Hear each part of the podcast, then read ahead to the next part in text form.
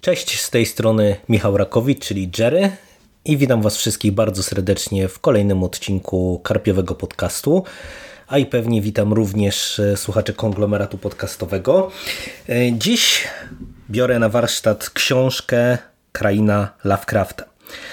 Książkę, która ukazała się w Polsce e, jakiś czas temu nakładem wydawnictwa WAB przy okazji e, pojawienia się ekranizacji, adaptacji serialowej. Ukazała się z e, okładką serialową i e, ja przyznam się szczerze, że pewnie bym po nią nie sięgnął, gdyby właśnie nie serial, tak jak i wielu czytelników w Polsce. I to nie dlatego, że serial mnie tak zachwycił, że postanowiłem po książkę sięgnąć, tylko wydaje mi się, że pomimo tego, że książki Mata Rafa były już w Polsce publikowane, no to śmiem wątpić, czy ktokolwiek zdecydowałby się na wydanie Krainy W Polsce, gdyby nie ekranizacja.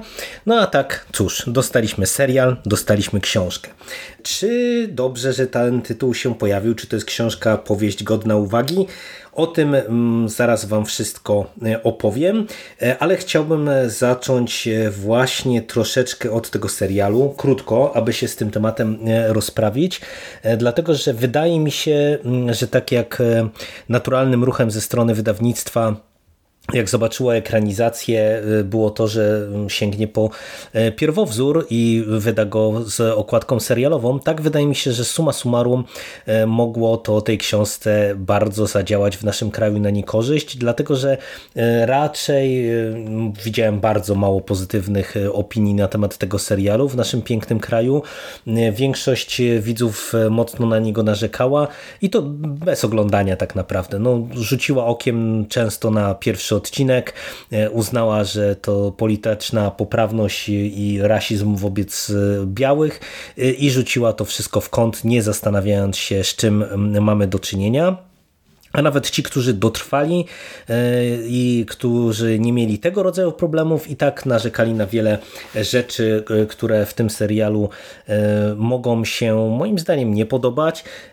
I teraz to, co najważniejsze. Dlaczego mówię, że książ książce ten serial trochę mógł zaszkodzić?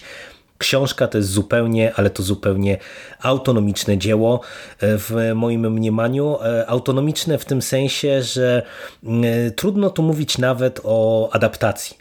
Wiecie, normalną rzeczą jest to, że kiedy bierzemy na warsztat telewizyjny czy to filmowy opowiadanie, książkę, no to bardzo wiele rzeczy w toku przeniesienia danego dzieła do innego medium musi wylecieć, musi zostać zmienione, musi zostać dostosowane, e, pewne wątki są okrojone i tak dalej, i tak dalej. E, ale tutaj e, mówię, że trudno mówić nawet o adaptacji, dlatego że poza główną osią fabularną, która też jest rozgrywana w dużej mierze zupełnie, zupełnie inaczej, to w zasadzie książkowa i serialowa e, Kraina Lovecrafta mają ze sobą bardzo niewiele wspólnego.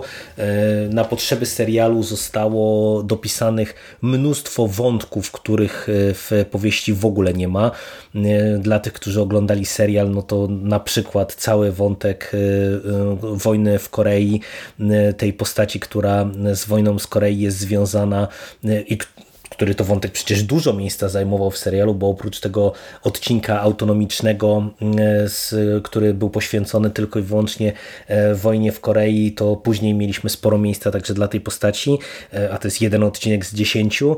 E, tutaj w ogóle tego wątku nie ma i, tak jest kilka innych dużych wątków, które no, no w książce w ogóle nie mają miejsca, tak mm, po prawdzie, albo są bardzo mocno zmienione. Co więcej, mm, zmieniono także same postaci i e, rozpisano e, relacje pomiędzy nimi zupełnie inaczej. Cały wątek ojca jest zupełnie inaczej poprowadzony. Kristina, e, która była główną taką protagonistką, antagonistką naszych bohaterów w serialu, w książce jest w ogóle facetem. Jest Calebem Bright White'em, czyli synem Samuela, a nie córką. I w serialu Christina no, miała jeszcze te, taką męską postać obok siebie, w książce to jest jedna postać tak po prawdzie, i tak dalej, i tak dalej, i tak dalej. Naprawdę mógłbym tutaj wymieniać mnóstwo i serial jest, mm, wydaje mi się, dużo bardziej e, zaangażowany, w sensie dużo więcej tych kwestii mm, związanych z rasistowską historią e, Stanów Zjednoczonych wyciąga na pierwszy plan, e, dużo więcej rzeczy przepracowuje. Tu, tu znowu, żeby na przykład pokazać istotną różnicę i w książce, i w serialu pojawia się cały wątek wątek e, e, Tulzy i tego, co się w Tulzie e, w, na początku XX wieku wydarzyło. W książce to jest dosłownie, nie wiem, jedna króciutka sekwencja, w serialu to jest cały odcinek bardzo istotny fabularnie. No więc pod tym kątem to tak jak mówię, wydaje mi się, że ta niechęć do, do serialu, która w wielu miejscach się objawiła, szczególnie jeszcze napędzana drugim wątkiem, czyli to, że mamy krainę Lovecrafta, a czarnoskórych bohaterów, a e, jak wiadomo to pewnie jest odniesienie do tego, że Lovecraft rasistą był, e, no, no, no to nie sprzyjało sensownej e, dyskusji wokół powieści. No i wydaje mi się, że mogło wpłynąć negatywnie na jej sprzedaż. I odcinając się już od serialu, to jeżeli serial jest zupełnie czymś innym, to czym jest tak naprawdę ta powieść? E, wydaje mi się, że krainę Lovecrafta najlepiej e, przyrównać do takiego swoistego koncept albumu muzycznego, bo to jest tak po prawdzie zbiór ośmiu opowiadań, które w dużej mierze mogą być czytane jako autonomiczne historie, dlatego że w zasadzie większość tych historii to jest e, albo wariacja na temat jakiegoś ikonicznego, kojarzonego, nie wiem, z horrorem na przykład motywu, czy z literaturą science fiction motywu e, z jednej strony, e, z drugiej strony e, to jest element większej całości. W tym sensie, że o ile można większość tych opowiadań przeczytać jakoś tam autonomicznie, no to one wewnętrznie gdzieś tam do siebie nawiązują.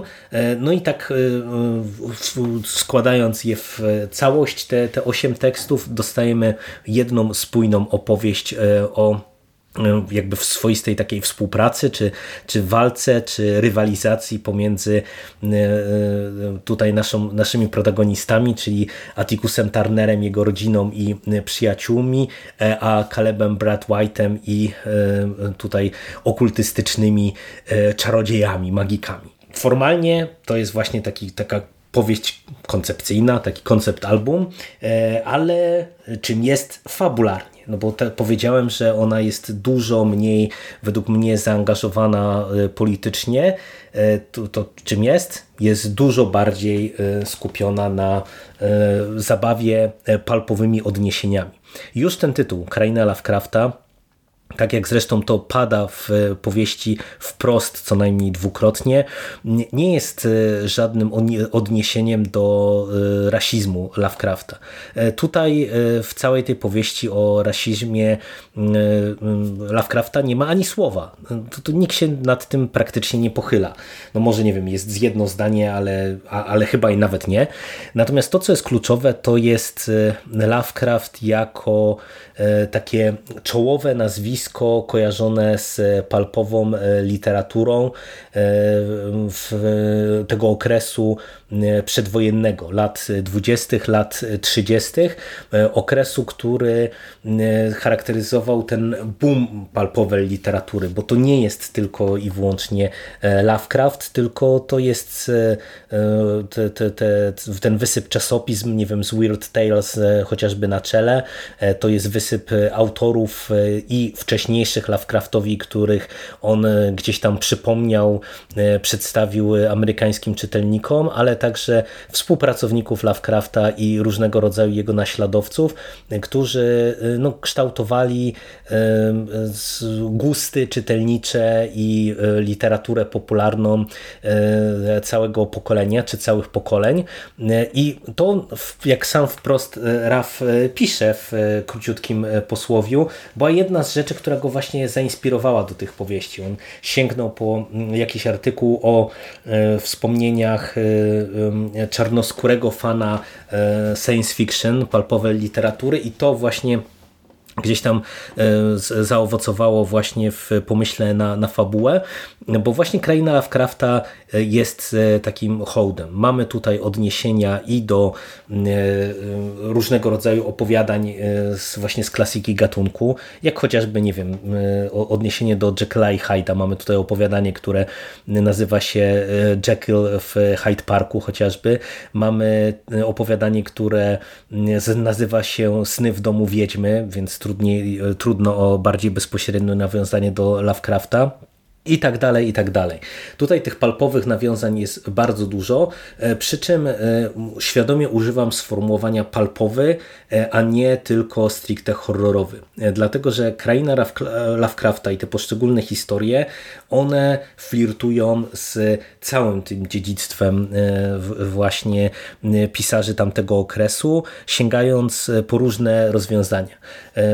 Pierwsze opowiadanie, czyli tytułowa Kraina Lovecrafta, to jest taki takie e, ustanowienie, e, zarysowanie do głównego wątku i e, zarysowanie tego, co będziemy widzieli później. Poznajemy Atticusa Turnera, który wraca do domu i dowiaduje się, że jego ojciec gdzieś tam zaginął i rusza na jego poszukiwania do tajemniczej miejscowości Ardam. Rusza tam ze swoim wujem George'em i z przyjaciółką Letycją.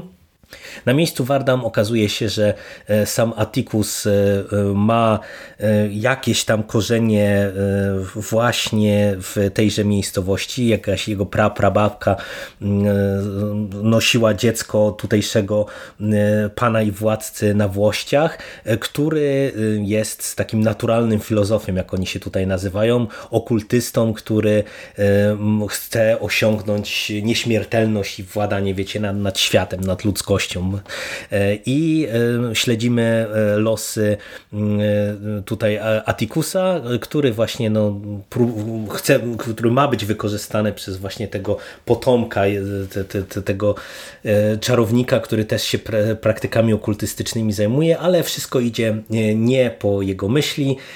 Sprawę sabotuje syn Caleb Brightwhite, który chce przejąć schedę po ojcu. No i będziemy śledzili z jednej strony poczynania właśnie Kaleba, który y, będzie chciał skłonić w pewien sposób Atikusa i jego przyjaciół do pomocy jemu w realizacji jego planów i y, walki z innymi y, lożami, z innymi naturalnymi czarodziejami, a z drugiej strony będziemy śledzili przygody Atikusa i jego właśnie przyjaciół, rodziny, którzy no, dotknąwszy trochę tego świata magii i tajemnicy w Ardam, no już się od niej nie opędzą. E, no i tak jak Kraina Lovecrafta układa nam te klocki, to późniejsze opowiadanie aż do finału, to każde opowiadanie koncentruje się na innej postaci, koncentruje się na innym motywie. Sny w domu wiedźmy to jest wariacja na temat nawiedzonego domu, e, w którym Letycja, czyli właśnie przyjaciółka Atikusa e, dostaje w spadku dom, który okazuje się nawiedzony e, i jest nawiedzony duchem e, jednego właśnie z takich naturalnych filozofów, białego, bogatego faceta, jak się szybko okazuje, nie do końca spełna rozumu i mamy wątek właśnie tego nawiedzonego domu. Kolejne opowiadanie E, to jest e, bardziej taka przygodówka trochę w stylu Indiana Jonesa i Ostatniej Krucjaty, dlatego że e, Atticus i jego przyjaciele, rodzina zostają wrzuceni w sytuację bez wyjścia, muszą odnaleźć w tajemniczych podziemiach muzeum tajemniczą księgę, która jest istotnym artefaktem właśnie dla tych wszystkich okultystów. Kolejne opowiadanie e, przenosi nas e, e, do kolejnej postaci, Hipolity, która no, przez przypadek z, udaje się na inną planetę i mamy tutaj właśnie tę historię utrzymaną w duchu science fiction. Kolejne opowiadanie to jest wariacja na temat doktora Jekylla i pana Hyda.